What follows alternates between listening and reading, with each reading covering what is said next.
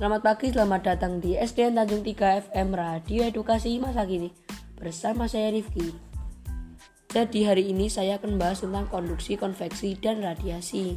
Yang pertama, saat kita di bawah matahari akan terasa panas. Nah, kalau pernah, itu yang dinamakan radiasi. Yang kedua, saat kita di dekat kompor yang menyala akan terasa hangat atau panas.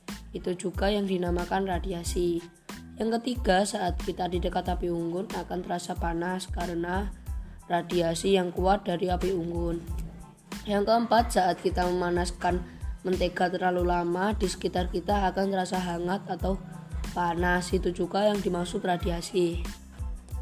Yang kelima, saat kita di dekat oven yang lama menyala, kita akan terasa hangat karena adanya radiasi. Dan dan sekarang kita akan menjelaskan tentang konduksi. Contohnya, panci yang dipanaskan. Panci yang dipanaskan itu juga yang panci yang dipanaskan itu juga yang dimaksud konduksi. Yang dan yang kedua, wajan yang dipanaskan. Wajan yang dipanaskan juga menjadi salah satu konduksi.